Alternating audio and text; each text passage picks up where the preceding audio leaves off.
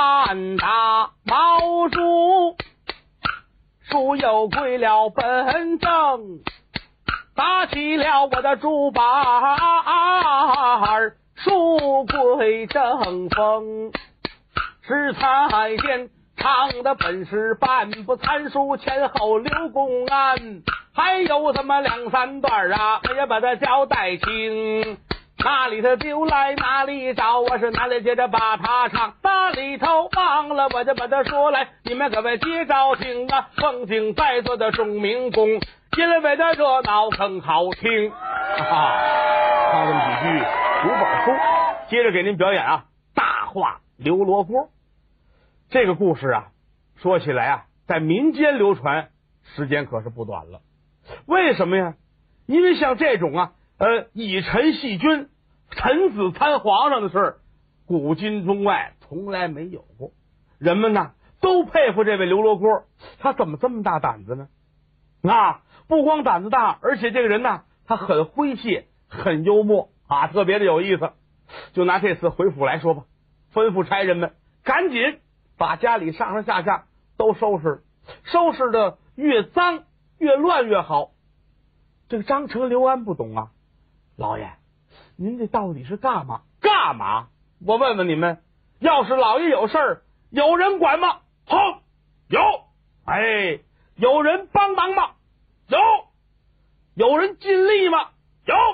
那你们听我的，老爷，咱们造反呢。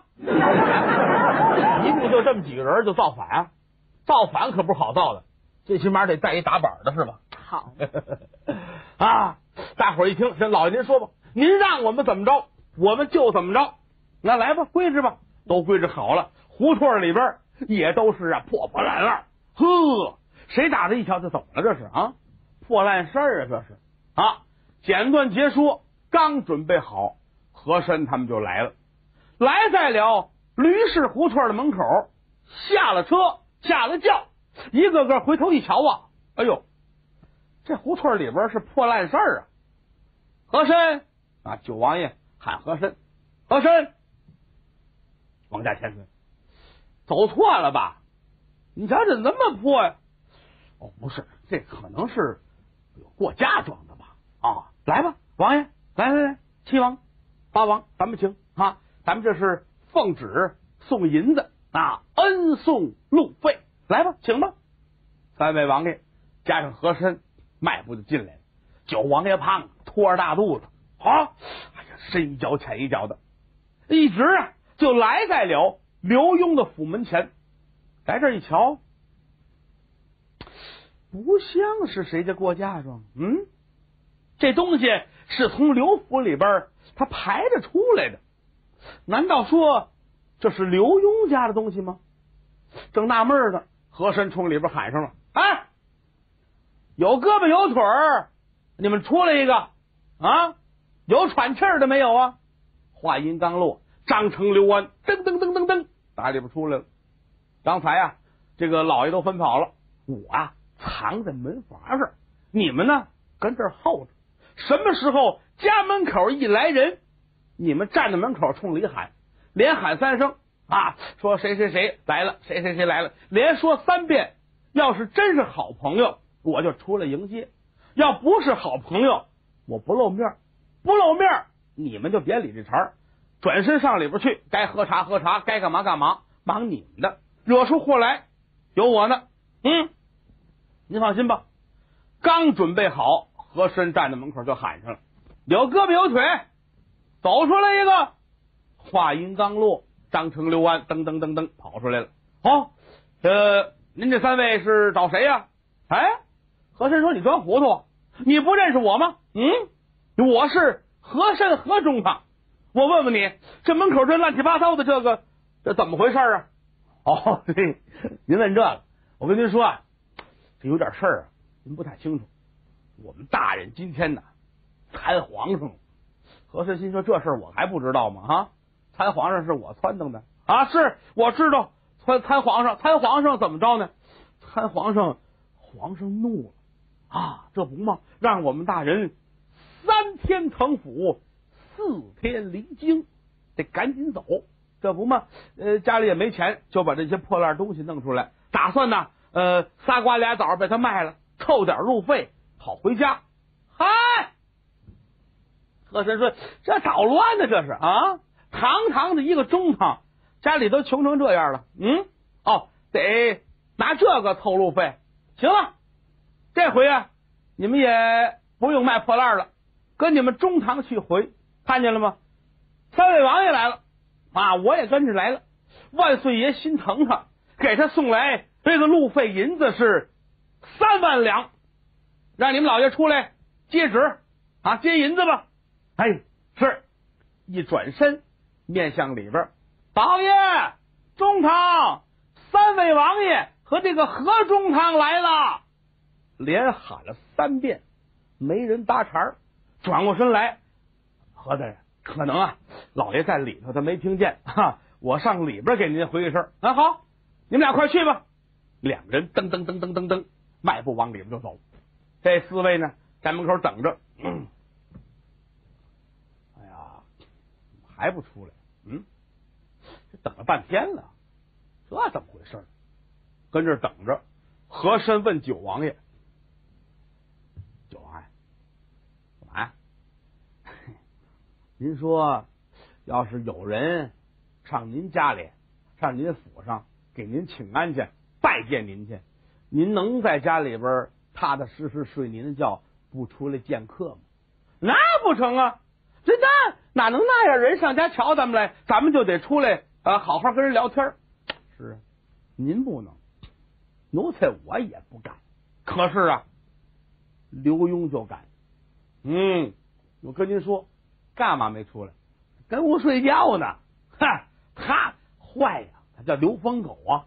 您瞧见了吗？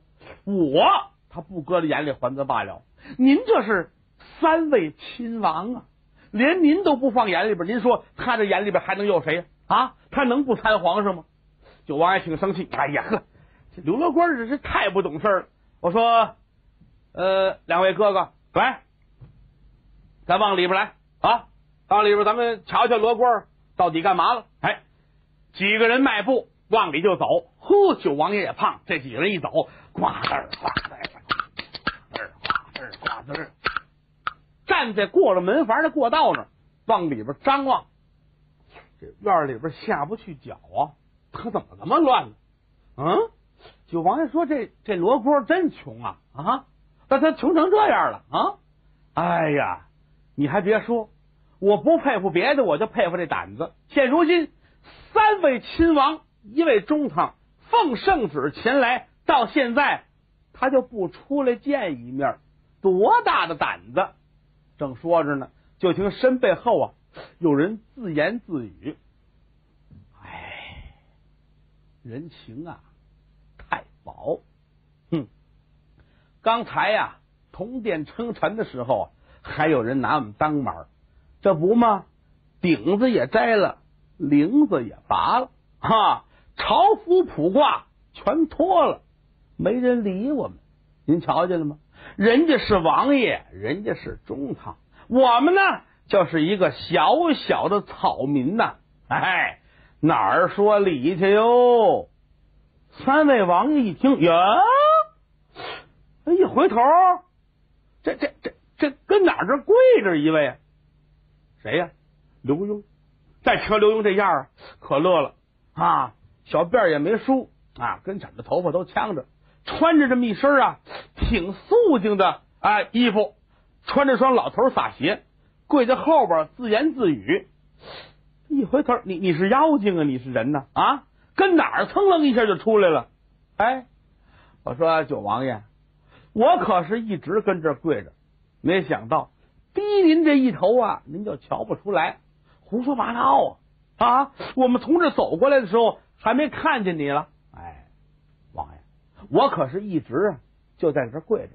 我听你们说了，有人还问您了，说家里去了人了，您能不能睡觉不理这茬啊？您说不能，是您说的吧？哎，对，是我说的。和珅一听，好嘛，听贼话来着。哎，我说刘大人，你别这么叫。我现在不是，哎，您快起来，快起来，快起来，把他扶起来。呃，我们今儿来呀是有事儿啊，万岁爷呀，恼你了，没你这样的。咱们说归说，闹归闹，是不是？完事你真上殿啊，真把皇上参了，堂堂的人王地主，你是一丁点面子都不给啊？皇上能不恼你吗？你说是不是啊？不过呢，呃，皇上心眼好，扭回头一琢磨呀，还是舍不得。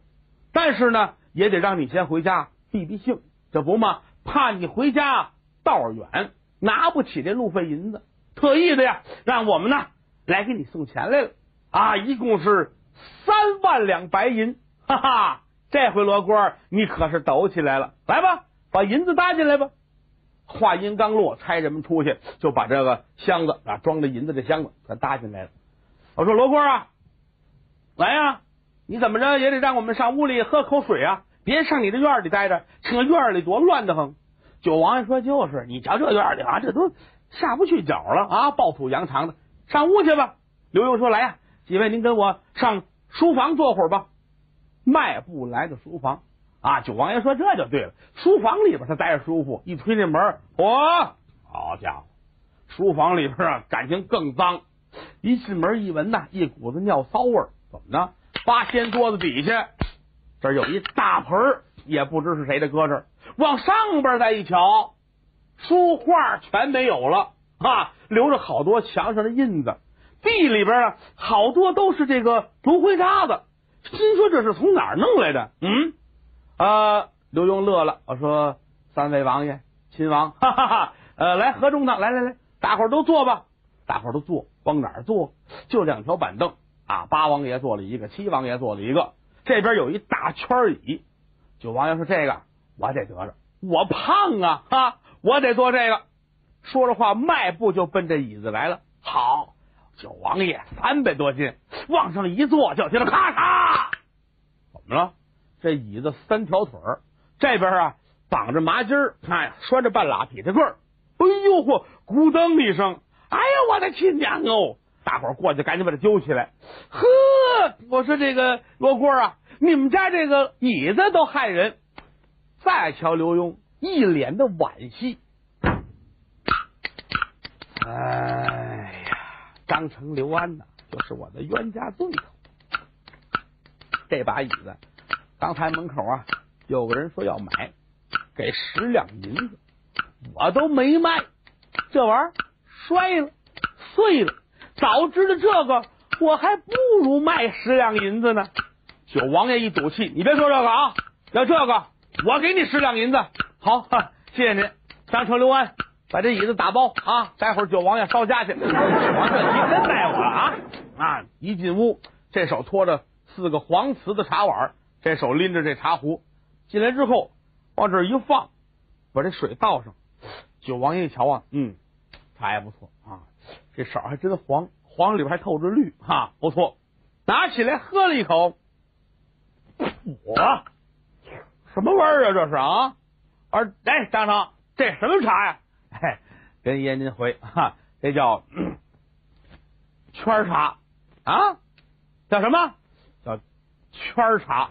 草帽撕了一圈，可不叫圈茶吗？啊！哎呀，这实在是难以下咽。把这杯放在边上，罗锅啊！准备接旨吧，哈呃，不着急。今天呢，三位王爷何中堂，您贵族踏见地，能到我这儿来，我是十分感动。像我一个消脂为民的人，还有人上家里看我来，确实是很不简单。今天这样，我呀不能够让您几位饿着肚子走。无论如何，咱们跟这儿，咱们得喝会子啊，咱们得吃点喝点，行不行啊？不知道三位王爷。何中堂赏不赏这个脸？九王爷说行，看无所谓的事。九王爷有点忠告不朝啊，那那那行，你去预备去吧。哎，刘墉转身出去了，张成、刘安就站在门口。刘墉一点手，过来，俩人过来了。怎么着您呢？我呀，出去一趟，你们俩别闲着。知道屋里坐的谁吗？知道，三位王爷加上何中堂。别害怕，千万别害怕。是，您说吧，我去把他宰了。哎，别，哈，你们俩悄悄的把门关上，外边上了锁。他们要问说我哪儿去了，你就说我呀买白干酒去了啊。完事呢，出来时候门锁的死死的，要是有人伸手拧锁，你就上厨房啊拿擀面棍帮他手脖子。老爷，要是和中堂伸手打和珅，三位王爷伸手打王爷，不是老爷，这可是王爷，你甭管那，打出祸来有我呢，是有您了就没我了，这就净废话，记住了吗？我记住了。好，转过身来，刘墉顺大门出去了啊。这两位走进屋来，哈哈，三位王爷，那个何大人，这茶还给您再续点热的吗？何人说甭续了，这喝着不是滋味，我们连动都没动啊。罗锅哪去了？我们这好歹吃他一口，赶紧走啊！好些事儿呢，皇上那还等着呢。是，您稍微等一下哈。呃，我们老爷这就回来。说这话，俩人出来，顺手把门就关上了，外边挂着锁，嘎噔呱嘣把门锁上了。屋里这几位开始还不知道呢，嗯。哎，我说和珅呐？九王爷，这个罗贯上哪儿去了啊？怎么还不来呀？哎，这跟您说，这个估计呀，他这府里边厨子得忙活忙活呗，啊，洗洗菜、摘摘菜、弄点肉，或者是怎么着的。您等会儿吧，这屋里边腥骚恶臭的，哪待得下去？真是！哎，刚才那俩小子哪去了？哎，我说张成、刘安呢？话音刚落，俩人跟门口答应了，伺候王爷。哎，这俩猴崽子，我问问你们俩，这个你们中堂呢？啊，是我们中堂给您买酒去了，买酒，家里没酒了，家里没酒了，哈，嗯，上烧锅买酒去了，烧锅，这北京城没有烧锅呀，啊，是，呃，他上良乡了，上良乡了，这这这会儿走，什么时候回来？那不知道，哈，反正是，呃，那天去了一回啊，走了三天。三天之后回来了，这胡闹啊！这是，那我们怎么能等啊？那也没办法，您是呃等也得等，不等也得等。我们老爷比较好客，您要是走了，他们回来回来不高兴，哪哪成去？这不像话！九王爷越说越着急，怎么呢？脾气暴躁，一伸手从窗户棱子把手脖子伸出来了，要拧这锁，嗯，捏住了锁头，刚要一拧。张成一瞧，呵，怎么说都不行。我们大人交代的可好哈，谁要敢拧锁，我就给他一下。手里早就准备好这擀面杖了，照着王爷手脖子，嗨，当！就这一下，九王爷嗷嗷一声，哗！好小子，嗯，你这胆儿是真大呀！你你连我都敢打啊！你这是要疯啊！往后一退，和珅说了。九王爷，您甭管了，哈，他是不知道厉害。您看我的，刚把手往外一伸，就听张成说：“谁伸手，我拿菜刀剁他。”感谢您的收听，去运用商店下载 Patreon 运用城市，在首页搜索海量有声书，或点击下方链接听更多小说等内容。